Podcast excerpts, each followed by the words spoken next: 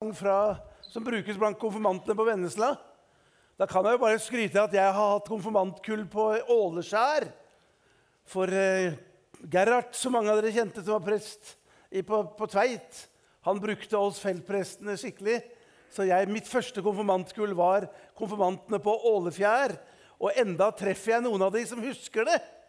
Enda det er altså 42 år siden, og det er morsomt. Ellers så syns jeg det var flott å høre deg, for at det, du sa Gud er god på litt sånn annen måte. Gud er god ikke sant? Det er ikke, det er ikke helt sånn i Kristiansand. Siden jeg er i Kristiansand eh, Veldig glad for å være i Kristiansand. Det er fantastisk å reise fra Oslo til Kristiansand med tog. Det må dere gjøre, altså. Det er altså de nydeligste timene som går an. Å sitte rolig på toget og lese tenke, jobbe, slappe av istedenfor å sitte på den bussen eller i bil eller på fly. Så det var nydelig. Men det er alltid morsomt å komme til Kristiansand. Og siden jeg da hørte litt Vendøl, så må jeg si det at det, som østlending så er det mye sånn dialektord man ikke helt skjønner. Et ord dere har her på Sørlandet, det er et ubegripelig ord for oss østlendinger. Og det er et ord som for dere rommer alt. Og det er ordet 'ja vel' og, altså, og, som østlending så er det et fenomenalt ord. Altså, altså, altså, når dere møter hverandre, så er det bare 'ja vel'. Så er alt sagt. Jeg var i Kristiansand for en stund siden. Meg, pleier å sette meg på den benken utenfor Sparebanken Sør. Og da observerer man masse morsomt. Og da, da, da, nesten alltid når jeg er der, så skjer det følgende. Det kommer to kristiansandere møtende på Markensgaten. Så stopper de overfor hverandre, så sier den ene bare 'ja vel'. Så svarer den andre bare 'ja vel'. Og da er de ferdige med samtalen. Og det er jo helt fantastisk. Jeg var i Kristiansand en gang og gikk på Marken, og plutselig så jeg en kar litt langt borte som jeg kjente igjen. Så tenkte jeg han blir sikkert begeistret over å se meg i Kristiansand.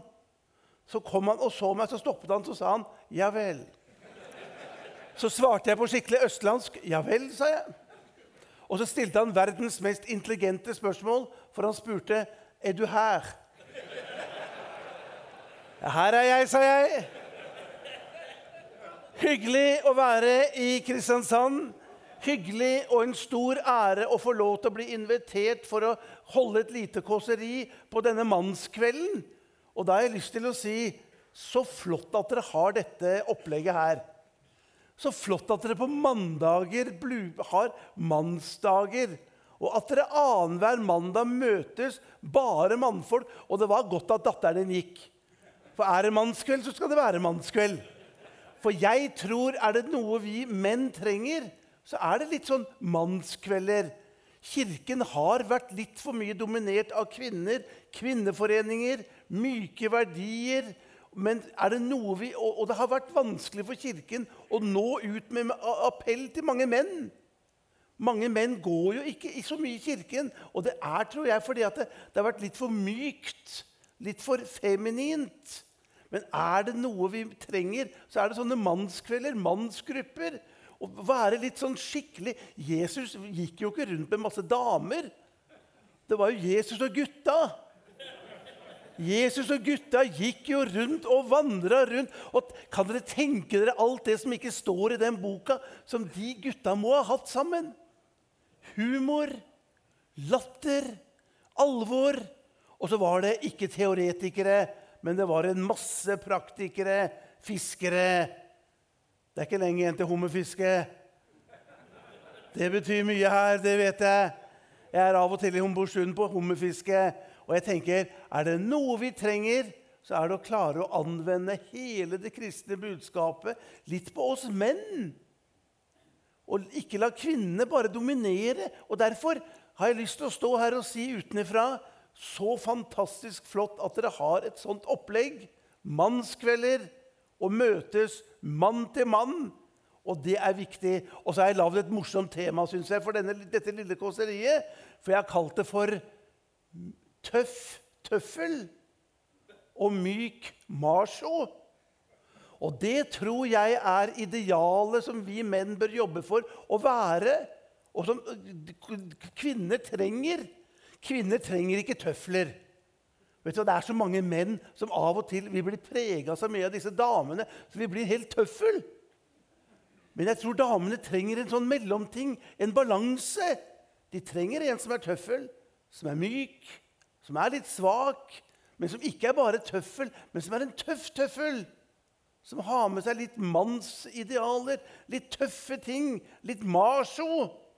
Og så trenger vi en som er myk og macho på samme tid. Og Derfor syns jeg den overskriften er litt betagende. For idealet for oss menn Tenk om samfunnet trenger, vi trenger, damene våre trenger menn som er tøffe tøfler og myke marsjord, Da tror jeg vi har funnet fram til mye godt i oss selv. Men så må jeg jo si da, når jeg står her og når jeg har sittet bak og sett på dere Det er en gjeng med ganske gamle mannfolk. Hei, Jeg satt og så når dere kom. vet du. Da tenkte jeg her var det mye grått hår. Og da har jeg lyst til å stille et spørsmål, men dere får ikke lov å svare. ikke sant? Og det er spørsmålet når er det egentlig man begynner å bli gammel? Spør et barn, da. Da får du mange rare svar. Jeg spurte barnebarnet mitt på ni år, Erle, morfars perle. Jeg spurte henne i sommer er morfar gammel. Så sa hun nei, ikke morfar, men mormor. Ja, Da er du taktiker, altså. Eller, eller, siden jeg ser at det er, det, er, det er, helt ærlig talt veldig mye grått hår her. Vet du hva? Når er det man begynner å bli gammel?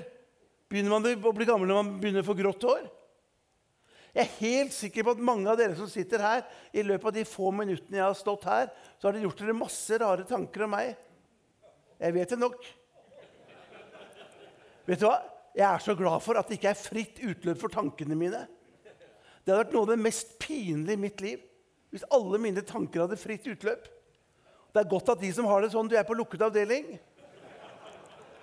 Men jeg er nesten sikker på at mange av dere som er her, dere har i de få minuttene jeg har stått her, sittet og gjort dere masse rare tanker om meg.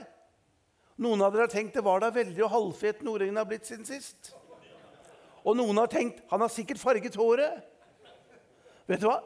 Det er så pinlig å være så gammel som jeg er og ikke ha farga håret. For jeg har ikke farga håret. Men alle tror jeg har farga håret. Så nå har jeg tenkt å farge håret bare så folk skal tro at jeg ikke har farga håret. Men dette er noe av det beste jeg arvet av moren min. For moren min døde for 20 år siden uten et grått hår. Men nå har jeg fått grå stær, da. Så noe grått må vi regne med at det blir. Jeg må fortelle en liten, nydelig historie om håret mitt. Datteren min er lærer i barneskolen i fjerde klasse er Afrika pensum.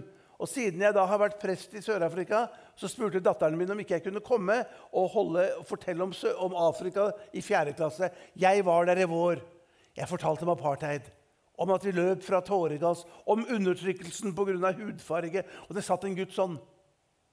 Jeg trodde han fulgte sånn med. vet du. Han blunket ikke. Etterpå sa jeg, 'Er det noen spørsmål?' Så rakk han opp hånden og sa, 'Har du parykk?'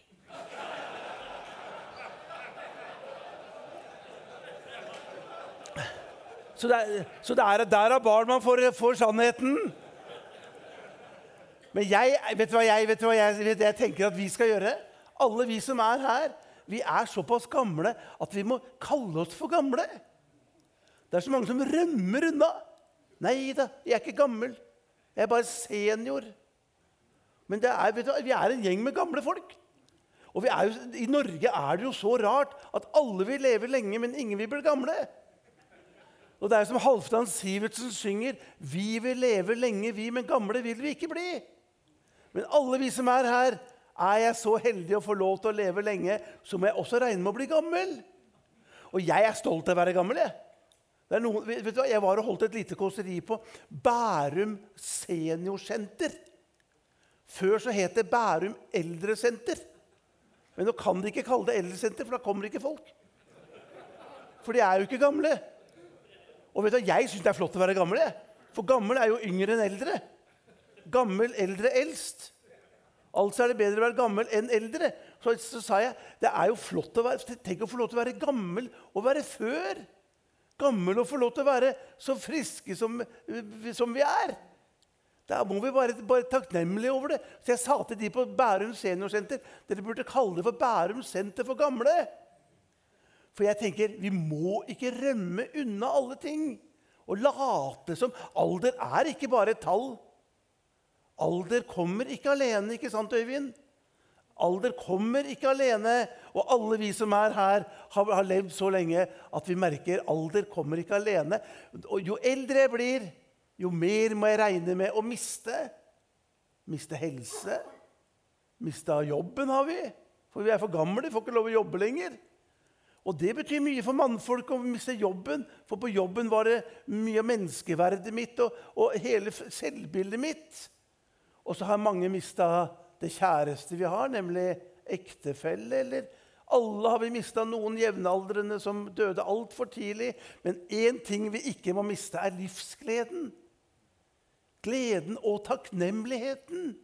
Er det noe vi trenger, så er det takknemligheten. Og så tenker jeg det å få lov til å være en mann Jeg er bare en mann. Jeg er ikke bare en mann. Jeg er en mann som får lov til å ta ut alle mannens ting. Og vet du hva jeg tror er noe av det viktigste vi menn kan gjøre? For det har vært litt sånn at det, vi menn har liksom ikke vært så opptatt av følelser. Av og til når vi krangler med kona vår, så sier vi 'kom til saken'. Men det er jo ikke en sak mellom kona mi og meg. Det er følelser. Og det er jo ikke sånn at den som vinner saken, den, den vinner hele debatten og diskusjonen. For det aller meste mellom alle mennesker, det er jo følelser. Vi er følelser. Jeg er det dere ser av meg nå. Dere ser bare en fasade. Men det aller viktigste med meg er alt det som er innenfor, og det er bare følelser. Og vi menn har ikke vært så innmari flinke til å klare og tørre å sette ord på smerte, sorg, fortvilelse, begjær Alle disse tingene som rører seg innenfor. Jeg har, fordi jeg skulle holde dette kåseriet for dere, gjort det aller beste ut fra de naturlige forutsetningene. Bedre enn dette går det ikke an å bli, sånn som jeg er. Jeg har dusja i dag, barbert meg, vaska håret, tatt på meg noen foredragsklær fordi jeg skal holde foredrag for dere. Og dette er det dere ser. Men innenfor så er det, i likhet med de aller fleste av dere, det er en skjør liten gutt. En liten gutt som vil om én time lure på, lure på om de syns det var ålreit å høre på meg. Jeg. Lurer på om det var greit at jeg kom til Kristiansand. Jeg. For de aller fleste, også vi kule menn, vi er egentlig bak fasaden så mye følelser. Og jeg er ikke i tvil om at vi menn vil få masse ut av det og masse glede av å tørre å vedstå meg, tørre å innrømme, tørre å sette ord på følelser. Tøff tøffel, myk macho og våge av og til å være svak. Modig. Modig. Husker faren min Faren min ble spurt en gang eh, Han ble spurt når var du modigst. Og Heldigvis så svarte faren min i det intervjuet jeg var modigst da jeg var på det mest sårbare. Og turte å innrømme det. Vi er jo vant til at modig, da skal man være macho. Modig, da skal jeg hoppe i fallskjerm. Modig, da skal jeg være sterk. Men ordet 'modig' er jo et nydelig ord. Det kommer fra engelsk 'courage' som betyr mot. Og 'courage' kommer jo fra det franske ordet 'cœur', som betyr hjerte. Det er jo ingen som sier 'jeg hadde noe på huet'. Jeg hadde noe på hjertet. Og tenk om vi som menn også kan være flinke til å si 'jeg, hadde, jeg har noe på hjertet'. Jeg har noen følelser, jeg har noe sårbarhet, jeg har noen følelser. Jeg har noe å sette ord på. Da tror jeg vi vokser som mennesker, vi vokser som menn. Da klarer vi å være både myk, macho og tøff tøffel. Og klare å være hele og sanne mennesker. Courage, kør, hjerte, ord. Jeg hadde en begravelse for en stund siden, og det er så fantastisk å ha begravelse. Synes jeg, For man lærer så mye om livet, lærer så mye om mennesker, lærer så mye om menneskesinnet. Og hver begravelse er en verdenshistorisk begivenhet. For det er bare den ene gangen at vedkommende blir begravet. Og Derfor syns jeg det er en fantastisk å få lov til å være der. Det var en minnetale som jeg tenkte veldig mye på forrige gang. da jeg hadde begravelse. Det var en av kameratene til avdøde som sto fram så sa han han var god på bunnen, sånn. Og da tenkte jeg han skulle jeg gjerne truffet. For vet du hva? Jeg, jeg, jeg, kan bare snakke for min egen del. Og eh, Bare smak på denne setningen. På seg selv kjenner man ingen andre. Det tror jeg er veldig viktig i livet. Så Jeg kan ikke snakke for andre enn meg selv, men vet du hva? jeg er ikke god på bunnen. Jeg er innmari god på toppen. det. Og jo lenger ned du kommer, vet du, jo mer grums er det. Så Derfor skal jeg gjerne truffet noen som er god på bunnen. Vet du, jeg er, jeg er innmari god på toppen. Altså, det er dere som har hilst på meg. Var jeg ikke hyggelig? Sosial, smilende. Jeg kan smalltalke, jeg kan prate. Jeg kan sitte i bilen med Ragnar og prate. Og jeg, jeg er innmari blid på toppen. Men jo lenger ned du kommer, vet du, der er grumset. Det som ikke syns, det som vi må tørre å vedstå oss. Så også som menn. Nedover her er selvopptattheten min, sammenligningen min, begjæret mitt, sammenligningen alle de tingene som er med på å ødelegge menneskelige konstellasjoner, og som vi har så godt av å, å, å sette ord på. Våge å sette ord på. Styrke er også for menn å våge å vise svakhet. Tøffe gutter gråter av og til. Det er så nydelig å sitte sammen med mannfolk som av og til kan kjenne på sårheten og kjenne på smerten og klare å sette ord på det. De aller fleste av oss er så gamle at vi er vokst opp i hjem. Jeg har vokst opp i et besteborgerlig hjem i Oslo, og i det hjemmet mitt var det ikke så mye ord for følelser. Mor og far hadde ikke så mye ord for smerte, sorg, fortvilelse, og heller ikke for de store, gode kjærlighetstingene. Men jeg har vært så heldig å få lov til å ha en jobb hvor jeg har fått lov til å møte mennesker i den største smerte og fortvilelse og i den største glede.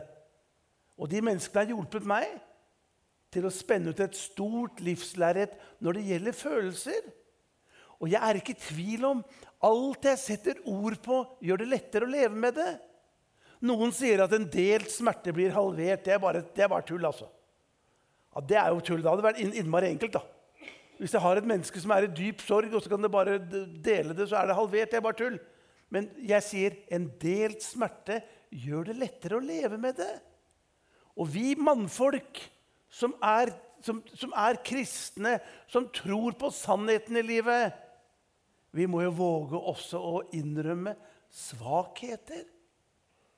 Snakke om seksualitet, snakke om begjær.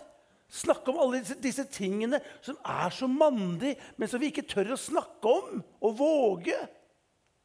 Og jeg tror at det er noe som er tragisk i Norge i dag, så er det at mange nordmenn er som Per Gynt. Gå utenom. Gå utenom, Per.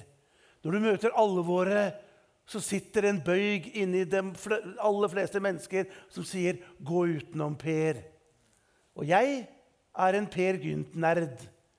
Jeg bruker Per Gynt litt som terapeut. For Per Gynt var en drittsekk. Og så prøver jeg å lære av Per Gynt, slik at jeg ikke gjør de samme feilene som Per Gynt. Og det verste Per gjorde, var disse to tingene. Han gikk utenom når han møtte alvoret. Og det andre var at han lot som han var større enn den han var. Og Hvem av oss har ikke vært ute for det? Snakke om hva jeg får til, hva jeg jobber med, hva jeg presterer. Men vi er da, vi er da ikke noe for det vi gjør, men for den vi er. Vi er jo ikke human doings, vi er human beings. Vi må vise barnebarna våre at vi, vi elsker dem for den de er. Men Per Gynt, av stort er jeg kommet, til stort skal jeg bli. Ja, far, jeg skal bli keiser. Og Per ble keiser, selvopptatthetens keiser. Jeg tar dere med til Per Gynt litt nå for å vise noe med følelser. Brann er motsetningen til Per Gynt. Ibsen skrev 'Brann' i 1866. Og ett år etterpå skrev han Per Gynt. Kan dere tenke dere at det var mulig? Med ett års mellomrom å skrive to av de mest fantastiske verkene som er skrevet i hele verdenslitteraturen. Og jeg tenker at Brann og Per Gynt er motsetningene. Brann, det du er, vær helt og fullt ikke stykkevis og delt. Det er ingen som er helt og fullt. Det er bare mange som går rundt og later som. Men det er ingen som er helt og fullt. Noe jeg også reagerer på veldig når jeg er i begravelser. Så er det noen som sier 'han var hel ved'. Men vet du hva jeg tror? Det er ingen som er hel ved. Alle er vi masse, fulle av masse kvister.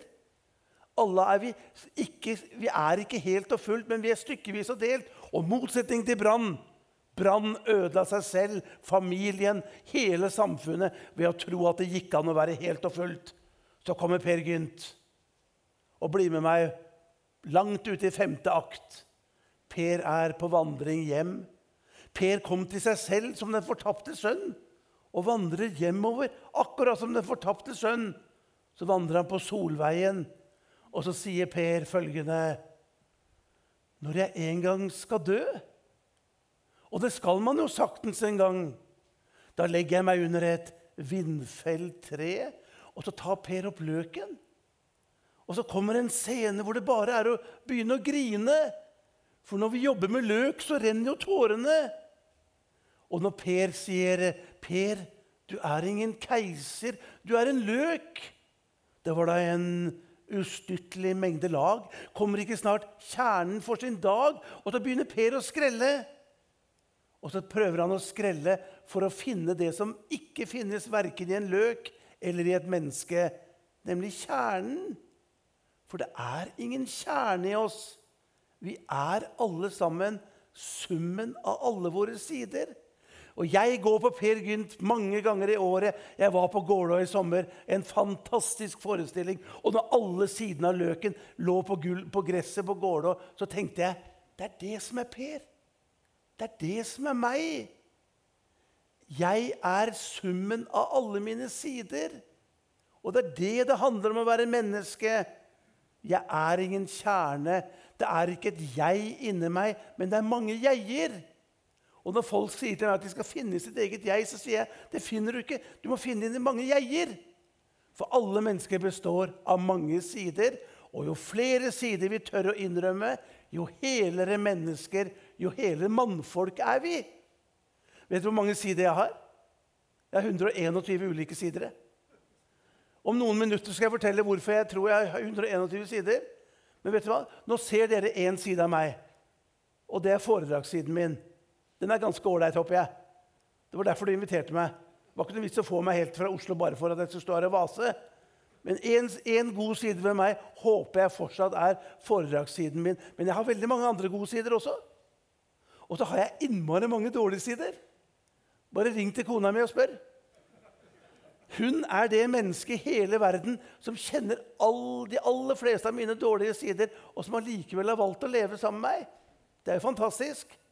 Men så har jeg enda flere sider enn de hun er klar over også. For jeg har noen ensomme sider. Jeg har noen mørke sider. Jeg har noen eh, grå sider. Jeg har noen eh, erotiske sider. Det skal dere slippe å se. Alle mennesker har mange sider. Og vet dere hva jeg er ikke i tvil om som mannfolk? Jo flere sider jeg tør å innrømme med meg selv, jo helere og sannere blir jeg og lever mer ekte. Og det må være idealet for mannfolk, ikke bare å late som jeg er en annen enn den jeg er, men innrømme alle mine sider. Grumset, sjalusien, sammenligningen, alle tankene våre.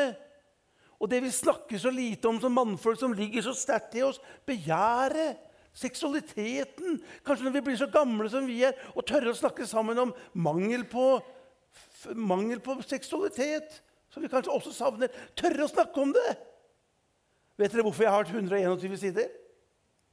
Neste gang dere er i Oslo, ta dere tid til å ta en tur i Frognerparken.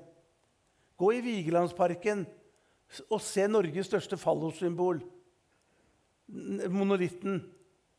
Og så prøve å telle, telle, hvor mange ulike mennesker det er på én sten. Det er 121. Én sten, 121 ulike sider. Mono betyr én. Litt er sten. Én sten, 121 sider. Monos pranners, 121 ulike sider. Myk macho, en mann som eh, våger å være seg selv, som Per Gynt. Hvor var jeg meg selv? Hvor var jeg meg selv? Er ikke det det viktigste spørsmålet for alle mennesker? Er det ikke det som er det kristeligste spørsmålet? Hvor var jeg meg selv? Og allikevel ble jeg elsket og godtatt, selv om alle sidene er der. Det er ett sted jeg ikke behøver å late som, og det er jo overfor Han, som aksepterer meg og godtar meg for akkurat den jeg er. Myk macho, tøff tøffel, våge å vise svakhet, tørre å sette ord på følelser, våge å innrømme og tørre å snakke om det. Der tror jeg det ligger utrolig mye. For alt er følelser. Jobbe med pappa, far og sønn. Du verden som det har formet oss. Min far og meg, meg og min sønn. Jeg, for eksempel, Mange av dere er så gamle at dere husker at faren min var ordfører i Oslo. Hele livet mitt har vært sånn Er du sønn av Albert Norringen? Ja, jeg er sønn av Albert Norringen. Det er ikke min skyld, det er hans skyld. Er det, er det rart jeg dro til Stavanger for å studere? Og enda treffer jeg masse folk som sier, gamle folk som husker faren min. Så sier de faren din var så blid og hyggelig. Så sier jeg jeg skulle sett den hjemme, sier jeg. For alle mennesker har jo mange sider. Og så tenker jeg å jobbe med Jeg var stolt av faren min og flau over faren min. Å jobbe med hva tar jeg med meg av sympati fra far, og hva tar jeg antipati på? Og hvordan preger jeg som mann min sønn? Jeg har én sønn. Jeg kaller ham min sønn den enbårne, i hvem jeg har velbehag. Men du verden hvor viktige forholdet er. Og jeg har lært han altfor lite macho-ting, for jeg er en teoretiker. Det meste han har lært, er vel bare å skifte dekk på gamle biler. Når bilen enda kunne skifte dekk på. Men jeg skulle ønske jeg hadde lært han mer sånn macho-ting, for det trenger barn og unge å gjøre. Nå skal jeg fortelle dere noe rart. Nå har dere hørt om mange mine sider. Og nå skal dere få lov til å høre om en side som sier mye rart om meg. Jeg har en rar hobby, og den hobbyen går ut på at jeg samler på dødsannonser. Hvis noen av dere samler på dødsannonser, så kan vi snakke sammen etterpå. Skal vi møtes en gang, skal vi bytte. Og jeg har en stor samling dødsannonser, og grunnen til det, grunnen til det er at jeg syns det er så trist at mennesker det, altså, Folk dør ikke lenger. Og Har dere lagt merke til det? Og det er noe av det jeg sa om å gå utenom. Til og med i dødsannonser så går vi utenom. Og vi tør ikke å bruke ordet 'død'. Vi er så redd for det. det, det nå sier vi han, han, rusla, av gårde. En kamerat av meg fortalte meg til sommerferien at faren hans gikk bort. Så spurte jeg hvilken vei gikk han og det er så mange sånne uttrykk hvor vi bare omskriver Han reiste videre, dro av sted. Og jeg tenker det er en, en moderne måte å gå utenom det eksistensielle.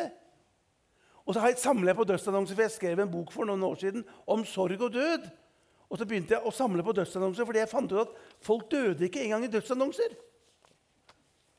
Kjøp Aftenposten en onsdag eller torsdag papirutgave. Er det ikke deilig å lese avis med papirutgave? Åh, ingenting.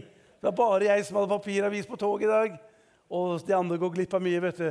I Aftenposten er den avisen i Norge med flest dødsannonser. Hver onsdag og torsdag så er det ca. 21 dødsannonser. Forrige torsdag var det 21 dødsannonser. Det var åtte som døde. Ja, Det er interessant, altså. De aller fleste gjorde det jeg gjorde i går kveld etter Kveldsnytt. Sovnet stille inn. Og, og, og, så, og så, står det, så, står, så, står det, bare sånne morsomme ting du, som, som, dro av sted. Nå skal dere høre på noen morsomme dødsannonser. Ta dette med eh, god humor og ikke med sånn, sånn skepsis. Her står det f.eks. en som la på røret. Han må ha vært glad i telefonen sin, altså. Jeg var i vinter, da traff jeg jo deg, og vi treffes i vinteren igjen. Jeg var vinterprest på Gran Canaria. Kan dere tenke dere i januar og februar å være i vinterpress på Gran Canaria i, mens det er iskaldt hjemme? Og det var så morsomt, for det var 21 vielser på to måneder. Og de aller fleste gifta seg på tirsdag. Så spurte jeg gjør dere det fordi at dere ikke vil ødelegge helgen. Men han som var sjømannsprest før meg, han skrev følgende i en rapport. I dag skal jeg holde en minnestund for en nordmann som har gått bort etter ønske fra familien.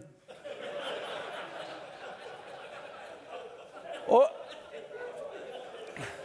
og jeg, jeg, fylte, jeg fylte For et halvt år siden så fylte jeg 70 år.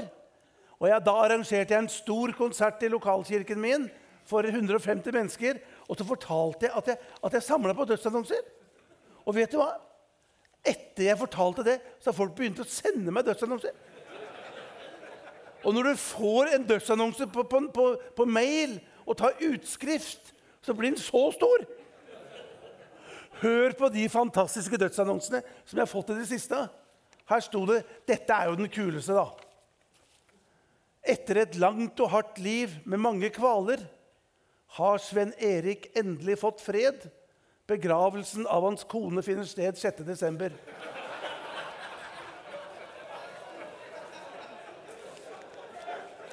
Eller her er eh, en som sendte meg bilde fra en gravstøtte. Så står det 'Vekk meg hvis det skjer noe'. De, denne begravelsen holdt jeg på å reise på, for det måtte vært en opplevelse. Her sto det 'Har poppet sin siste sjampis og har reist på nachspiel til evig tid'. Det må ha vært litt av en fest. Eller her er en som det passer vel på Sørlandet. Sitter nå på brygga i evigheten. Må kanskje bli litt ensomt. Og så er det en jeg syns synd på. Ble kalt inn på teppet. Jeg, har blitt kalt inn på teppet tre ganger til biskopen, men jeg fikk to nye sjanser. Det er kjedelig å bli kalt inn på teppet. Nå skal dere få de fem kuleste dødsannonsene jeg har. Jeg kunne holdt et helt kåseri bare om dødsannonser. Jeg skal ta det i full fart. Nummer fem fra toppen står det følgende Et varmt hjerte og to gode hender har sluttet å slå. Kanskje, kanskje, det var et hint om hva pappa gjorde? Eller nummer fire fra toppen. Denne burde vært filmet, da. Denne burde vært filmet. Det sto Nettopp nå så sto det 'Gikk fra oss på Ahus med alle sine nærmeste rundt seg'. Nei, det skulle vært filma. Der sitter alle de nærmeste, bare går han av gårde. Og nummer tre fra toppen har, har gått sin siste skitur på Blefjell. Og vi har hytte på Sjusjøen. Så jeg lurte på å møte igjen der. Og nummer to den passer jo litt på en mannskveld. Det sto, det sto En gang så sto det 'Har lagt ned staven'. Og da må jeg innrømme jeg lurte på var han vandringsmann eller horebukk. Ja, men det er jo lov å lure. Og nummer én, nummer én i bunken min sto det følgende 'Døde brått og uventet 94 år gammel'. Ja, Det er litt trist, da at det var helt uventet 94 år gammel. Vet dere hva jeg har opplevd? Og det har jeg lyst til å si til dere. Jeg, jeg har begynt å tørre å snakke om døden. Jeg, jeg sier til barna mine at jeg, jeg, tror jeg har mellom 15 sekunder og 15 år igjen. Og jeg snakker mye om at jeg skal dø, og jeg, lever, jeg jobber masse med døden. Og vet du hva? Det å snakke om det og tenke på det har beriket livet mitt. Det har gjort livet mitt enda, mer, enda bedre. Jeg lever så innmari godt, for jeg vet at en dag skal det ta slutt. Og da må jeg nyte hver eneste dag og være enda mer takknemlig. Carpe diem, sier vi. Det må vi gjøre. Gripe dagen. Men vi må samtidig memento mori. Husk, du skal dø. Og da lever vi enda rikere. Det beriker livet. Og nå skal jeg fortelle noe enda rarere. I fjor hadde jeg bursdag. Jeg skulle ønske at det bare var annethvert år. Men jeg har bursdag én gang i året. Og i fjor på bursdagen min så sa jeg til barna mine at jeg ønsket meg en urne. 'Pappa, du er så vulgær.' Og kona mi sa til meg når bursdagen nærmet seg, 'Jeg tror ingen kommer til å kjøpe urne til deg.' Så jeg gikk og kjøpte en urne i begravelsesbyrå. For jeg driver og frilansbegraver så mye at jeg fikk en billig urne. Pakket den inn, og den siste gaven var til Per Anders fra Per Anders. Så pakket jeg opp en urne, og så hadde jeg skrevet oppå urnen 'Morfar, nå utbrent'. Ja, er ikke det et rart ord? At jeg må si at jeg syns det er så rart ordet 'utbrent'. Folk går rundt og sier at jeg er utbrent. Så jeg, ja, men det er jo en glo igjen, sier jeg. Og det ringte en mann til meg i fjor så sa han, Nordengen, jeg vet du driver med sånne samtaler. Tror du jeg kan komme og snakke med deg? For jeg lurer på om min blir utbrent. Så spurte jeg jobber du i en peis. Vet, vet dere hvilket ord jeg bruker? Dere, dere behøver ikke være enige med meg. Men jeg liker bedre ordet 'utladet'. Er det ikke det som skjer når vi blir eldre? Er det ikke det som skjer når vi møter sykdom, tap, sorg, at livsbatteriet vårt tappes? Jeg ladet mobiltelefonen i natt. Så sto det i dag morges så sto det 'helt oppladet'. Og da kjente jeg det jeg skulle ønske jeg var òg. Det er en stund siden sist. Men den er jo så gedigen, denne her, at hver gang det er under 20% så står det 'på tide å lade'. Og det er viktig at vi lader batteriene våre livsbatteriene våre, slik at vi har det overskuddet. Og vet dere hva jeg gjorde med urnen min? Jeg fikk, folk, jeg fikk alle som var der, barnebarn og søsknene mine og venner, til å skrive på den. Tegne på urnen. Det var så nydelig med masse farge på. Broren min skrev 'Savner deg allerede, bror'. Så den er klar til bruk. Og i år fylte jeg 70 år, og da hadde jeg så lyst til å ønske meg en kiste. Vet du hva jeg husker? Bestefaren min. To generasjoner siden han sto på låven nede i Østfold og snekra sin egen kiste. Hva er det som har skjedd i Norge i to velstandsgenerasjoner? Vi har fjernet oss så mye fra det helt eksistensielle at du kan ikke ønske deg en kiste. Jeg hadde så lyst til å ha en kiste framme i kirka på den konserten min, for jeg fikk nemlig begravelsesbyrå til å sponse programmet. Og det så sånn ut. Så var jeg så takknemlig, for det sto Per Anders og bare én dato. Det kunne jo vært to. Men så takknemlig jeg var at det bare sto én. Og vet du, hadde jeg så lyst at alle skulle tegne en tegning og skrive en hilsen på kisten. Se på den nydelige bildet her. Jeg hadde en begravelse i vår. En mann på min alder Barnebarna skjønte ikke at morfar var død, så jeg sa ta med dere fargestifter. Så tegna de på kisten og skrev hilsen. Er det ikke nydelig? Og så spurte de hvor er hodet til morfar, hvor er bena? Så fikk de et helt annet forhold til det. Jeg tror vi mennesker taper mye hvis vi bare går utenom. Gå gjennom. Sette ord på det. Frykten min, angsten min, fortvilelsen min, gleden min øver meg. Når jeg sitter sammen med mennesker i sorg, så prøver jeg å hjelpe dem til å sette ord på det. For det vi setter ord på, det gjør det bedre å leve med. Og vi, som mennesker som lever så nær sannheten, da må vi våge, innrømme det og tørre. Når er det jeg begynner å bli gammel? Jeg er så gammel at jeg har opplevd livets store glede i likhet med mange av dere. Og det er å få lov til å bli morfar. For tolv år siden så kom det en liten gutt ut av datteren min. Uten bruksanvisning, dessverre. Jeg er ikke trist at ikke barn blir født med bruksanvisning. Og, jeg synes Det er så trist at det eneste vi i Norge ikke behøver utdannelse og sertifikat og kurs for, er de to vanskeligste tingene. Å leve sammen i parforhold og oppdra barn. Og vet du hva? Da mitt eldste barnebarn ble født, jeg var så stolt. Jeg gikk rundt og viste bilder av til alle vennene mine. Og så sa mange av vennene mine at han ligner på meg. Men det likte jeg ikke. Hadde verken hår eller tenner. Så jeg så ingen lik i det hele tatt. Og de er da ikke så søte, disse små babyene. Man er ikke så søt uten hår og tenner. Men jeg er så heldig at jeg har fått lov til å hente barnebarn i barnehagen en dag i uken. Det er ukens høydepunkt. Jeg sender SMS til datteren min hver søndag og sier jeg kan hente på torsdag, jeg kan levere på onsdag. Og vet du hva? Det er så morsomt å komme i barnehagen og være så gammel som jeg er. For jeg føler meg så ung.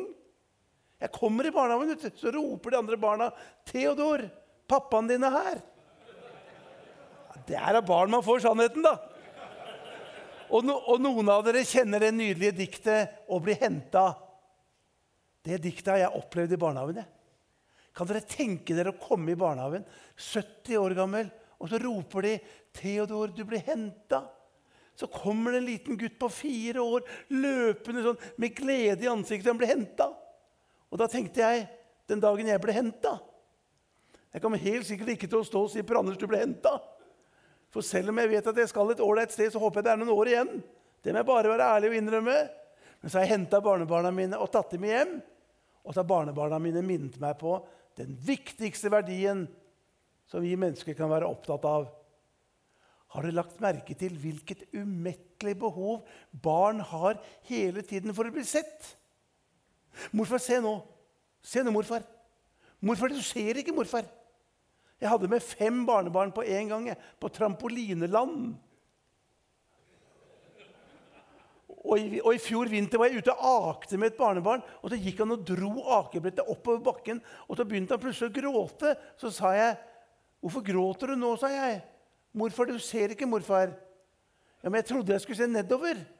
'Morfar, du må se oppover og nedover, morfar.' Og da minnet barnebarna mine meg på følgende Det viktigste behovet alle mennesker har, alle, er å bli sett. Og det verste et menneske kan oppleve, er å bli oversett. Tenk hvor viktig det er at vi ser de som ikke blir sett. De som er ensom, er ensom fordi at hvor viktig det er. Den dagen ingen ser meg lenger, da er ikke livet verdt å leve. Hvis jeg hadde spurt dere nå, men dere skal ikke svare, ikke sant? Hva er den fineste sangen dere vet av Bjørn Eidsvåg? Så jeg er nesten sikker på at noen av dere ville sagt 'Jeg ser'. Jeg kjenner Bjørn Eidsvåg litt, for vi er like gamle og vi er teologer begge to. Har dere lagt merke til at Bjørn Eidsvåg har sagt i mange sammenhenger at han syns det er så rart at hans mest brukte og mest kjente sang er 'Jeg ser'? Han skjønner ikke selv. Han brukte ti minutter på å skrive sangen. Han var prest på Dikemark sykehus, klarte ikke å lage en preken og satte seg ned natt til søndag og skrev en, en, en sang, 'Jeg ser', og lagde en nydelig melodi. Jeg er ikke i tvil om at det er Bjørn Eidsvågs viktigste bidrag av alle de flotte sangene han har, for den handler om det viktigste i livet. 'Jeg ser du har det vondt'. Er det noen som ser at jeg har det vondt? Da går det an å ha det vondt, da, for noen ser det. 'Jeg ser du vil gi opp'. Er det noen som ser det? Bare en liten parentes. Da Bjørn Eidsvåg fylte 50 år, det er en del år siden nå, da sang de i bursdagen hans 'Jeg ser at du er feit'. Men jeg kan ikke slanke for deg. Du må gjøre det sjøl. Parentes slutt. Jeg har en kamerat som var lærer i videregående skole. Fikk en lapp av en jente han hadde vært eh, kontaktlærer for i tre år. Så sto det 'Kjære lærer, Tusen takk for at du så meg. For en tilbakemelding. Det viktigste vi kan være opptatt av. Se meg, se meg, se meg. Og tilbake til Per Gynt. Kan dere tenke dere noe så gedigent som at moren til Per ble kalt av Henrik Ibsen for Åse? Åse. Det var derfor hun het Åse, det er jeg sikker på. For hele Per Gynt handler om en gutt som prøvde det samme vi alle er opptatt av. Se meg, se meg. Og Per Gynt i ekstrem grad. Se meg, mamma. Mamma, se meg. Pappa så meg ikke. Pappa drakk bort både gård og grunn. Mamma, se meg. Bygda, se meg. Verden, se meg. Og så får jeg lov til som teolog å tolke Per Gynt sånn som jeg tror Ibsen mente det. Jeg tenker at Per Gynt er den fortapte sønn. I siste akt står det da Per kom til seg selv Det var den samme den fortapte sønn gjorde. Så gikk han på hjemveien. Så gikk han hjemover som den fortapte sønn. Han kom til seg selv, og Per vandret på Solveien. Det var derfor han heter Solvei. Veien til solen, veien til lyset. Og så går Per med det desperate spørsmålet Hvor var jeg meg selv? Hvor var jeg meg selv? Med bestemmelsens merke på min panne. Hvor var jeg meg selv som den hele og den sanne?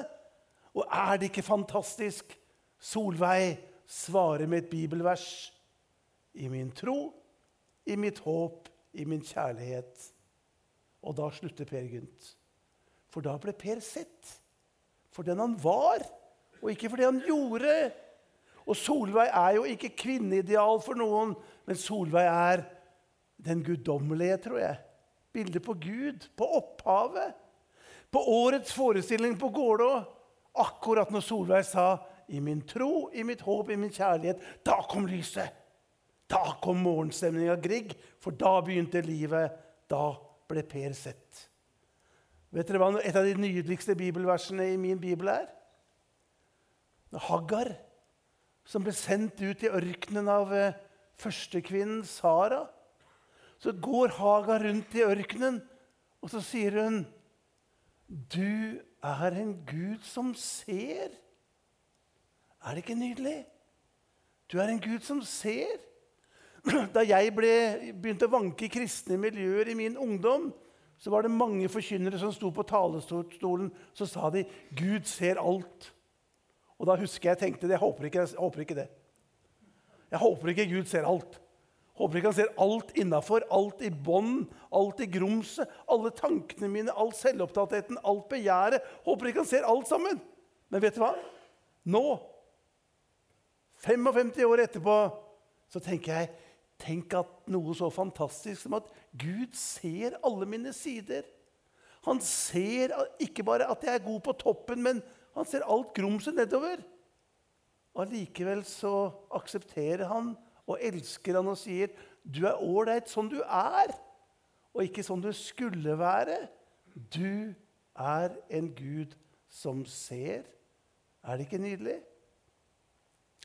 Jeg skal bruke de siste minuttene til å leke med ett ord. Og det ordet, det er ordet 'ring'. Og Grunnen til det er at jeg for noen år siden var på Vestlandet og holdt et kåseri. Det kom en dame til meg etterpå og så fortalte hun var gullsmed. Lagde ringer. Og så fortalte hun at fordi hun lagde ringer, så hadde hun prøvd å telle hvor mange ord det er på norsk som slutter på ring. Tenk at det finnes et menneske i Norge som har prøvd å telle hvor mange ord som slutter på ring. Og den burde vært nesten lagt inn.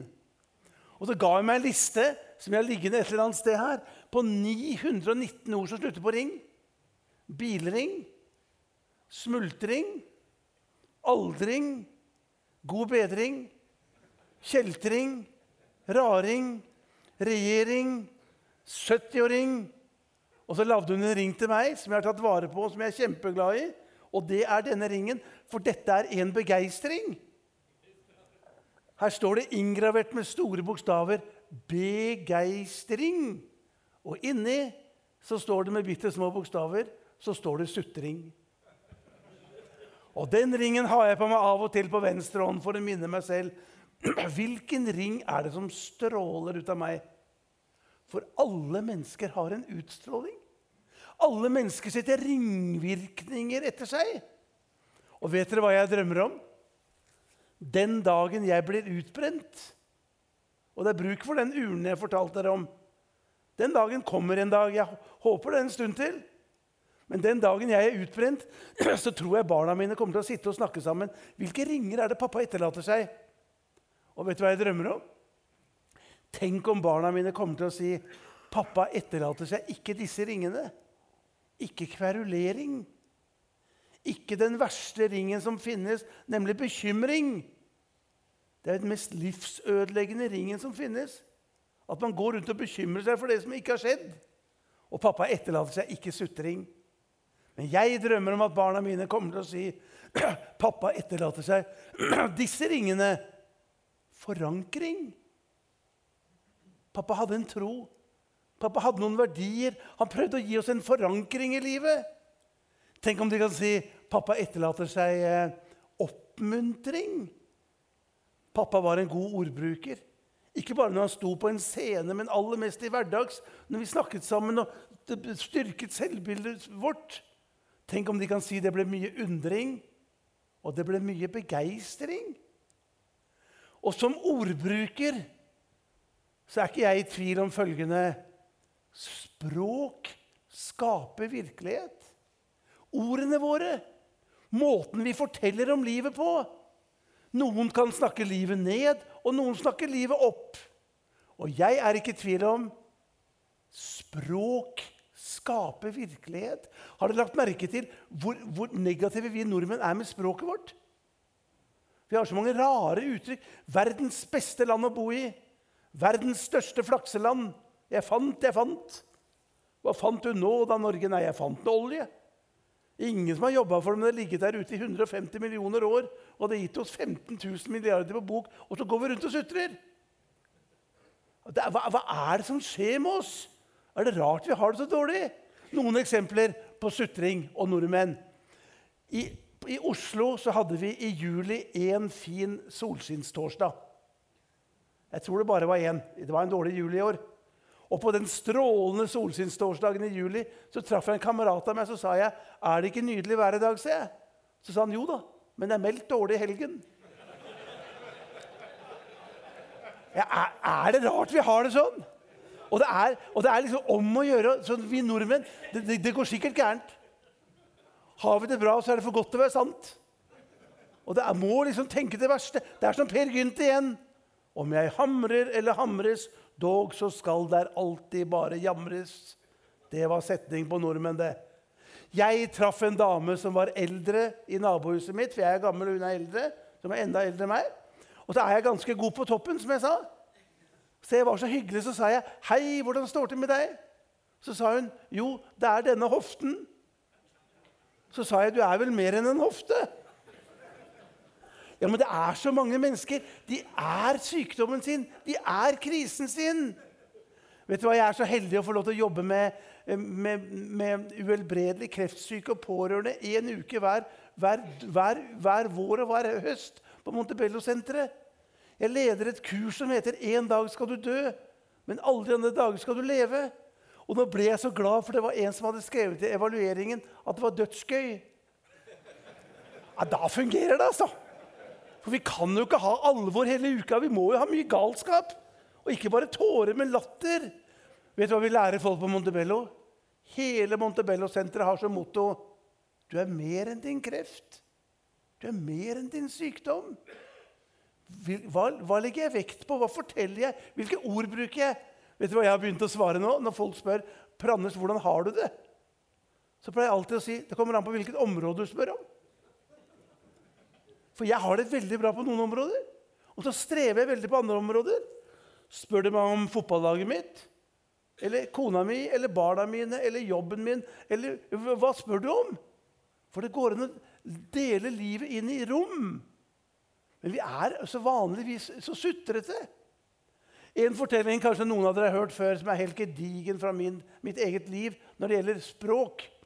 Jeg stoppet for noen år siden på en bensinstasjon, kjøpte en kopp med kaffe. Og så sto jeg for å betale foran kassa bak en dame som også kjøpte kaffe.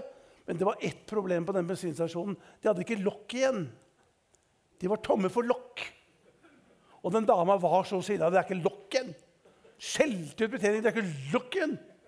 Så så jeg bare hele kroppen hennes brukte energi på det lokket. Så var jeg så dum at jeg sa til henne så sa jeg, 'Unnskyld at jeg bryr meg', sa jeg. 'Men jeg syns det er fantastisk å se at du gidder å bruke så mye energi på et lokk.' Så sa hun, så sa hun 'Nærre verste jeg har hørt', sa hun. Så sa jeg, så sa jeg 'Vet du hva', sa jeg. Da har du vært heldig. Ja, men da har du vært heldig, altså.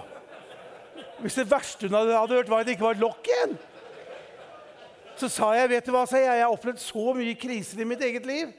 Og i andre sier Hvis dette er det verste du har hørt, så må du reise med å takke for det gode livet du har hatt. Og hadde hun vært fra Kristiansand, så hadde hun sikkert sagt Nerre versert. Med et lite ja vel etterpå. Språk skaper virkelighet. Det handler ikke bare om hvordan jeg har det, men det handler i stor grad om hvordan jeg tar det. Men enda dypere enn det.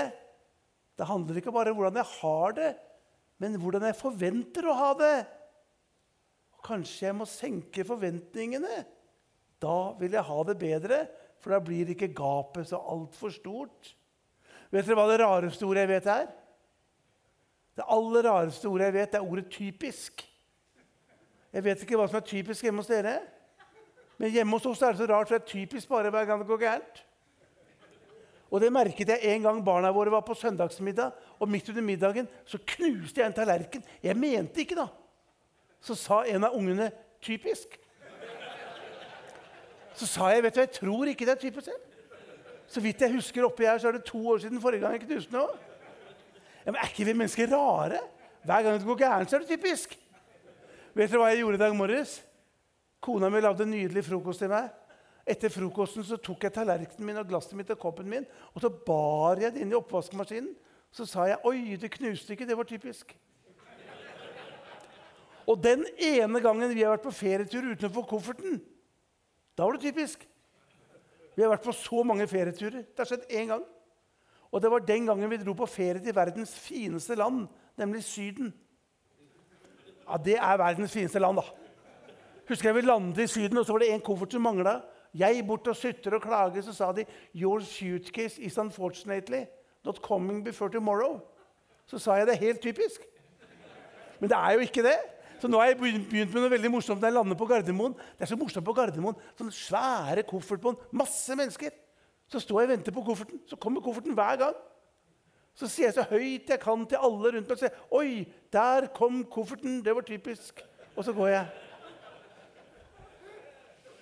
Språk skaper virkelighet. Ordene mine, fortellingene mine. Og jeg er ikke i tvil om denne setningen. Det viktigste vi kan gjøre, er å gjøre det beste ut av livet sånn som livet har blitt. Akseptere. Sånn er det dessverre. Sette, våge å være ærlig, svak, sette ord på det. Også som mann. Tøff tøffel, myk macho. Jeg skal runde av med å vise dere mitt største forbilde når det gjelder å skape begeistring istedenfor sutring. Og mitt største forbilde i så henseende, det er tegneseriefiguren Hårek. Jeg samler på håreker, Og siden det her i dette fantastiske lokale Salem ikke finnes overhead, så bare viser jeg dem sånn. Jeg har et par til i farger. Nei da, vi, vi behøver da verken powerpoint eller overhead. Jeg runder av med å spille tre hårrekker for dere helt til slutt. Hårek og kameraten er en dag tatt til fange, henger i et fangehull, begge, begge, to bundet på hendene, og så spør kameraten til Hårek der de henger, tror du det er viktig å være positiv i alle situasjoner. Og så henger Hårek ved siden av, så sier han, 'Jeg veit ikke' men jeg har ikke fått strekt ut ryggen så godt på årevis. Da er du flink til å gjøre det beste ut av det. Eller så dere Hårek her en dag? Han sto og så ned, og pga. den store maven sin så kunne han ikke se tærne sine. Så sier han, 'Når jeg ser ned, kan jeg ikke se tærne mine.' Så spør fruen, 'Hva slags konklusjon trekker du ut av det?' Så sier han at jeg ikke skulle sett ned. Ja, men vi må, ikke, vi må ikke oppsøke det negative. Og helt til slutt Er det én ring som ikke fryder, så er det for mange av oss uventet og ubehagelig endring. Men Hårek han møter til og med endring med begeistring. Hør helt til slutt. Hårek har vært hos legen. Kameraten er bekymret når han er hos legen, og kameraten spør hva sa lekjaren?' Så sier Hårek han sa jeg måtte slutte å drikke, ikke ete så mye og legge meg tidligere om kveldene. I min alder er det viktig med forandring, sa han. Så i morgen bytter jeg lekjær. Takk for meg.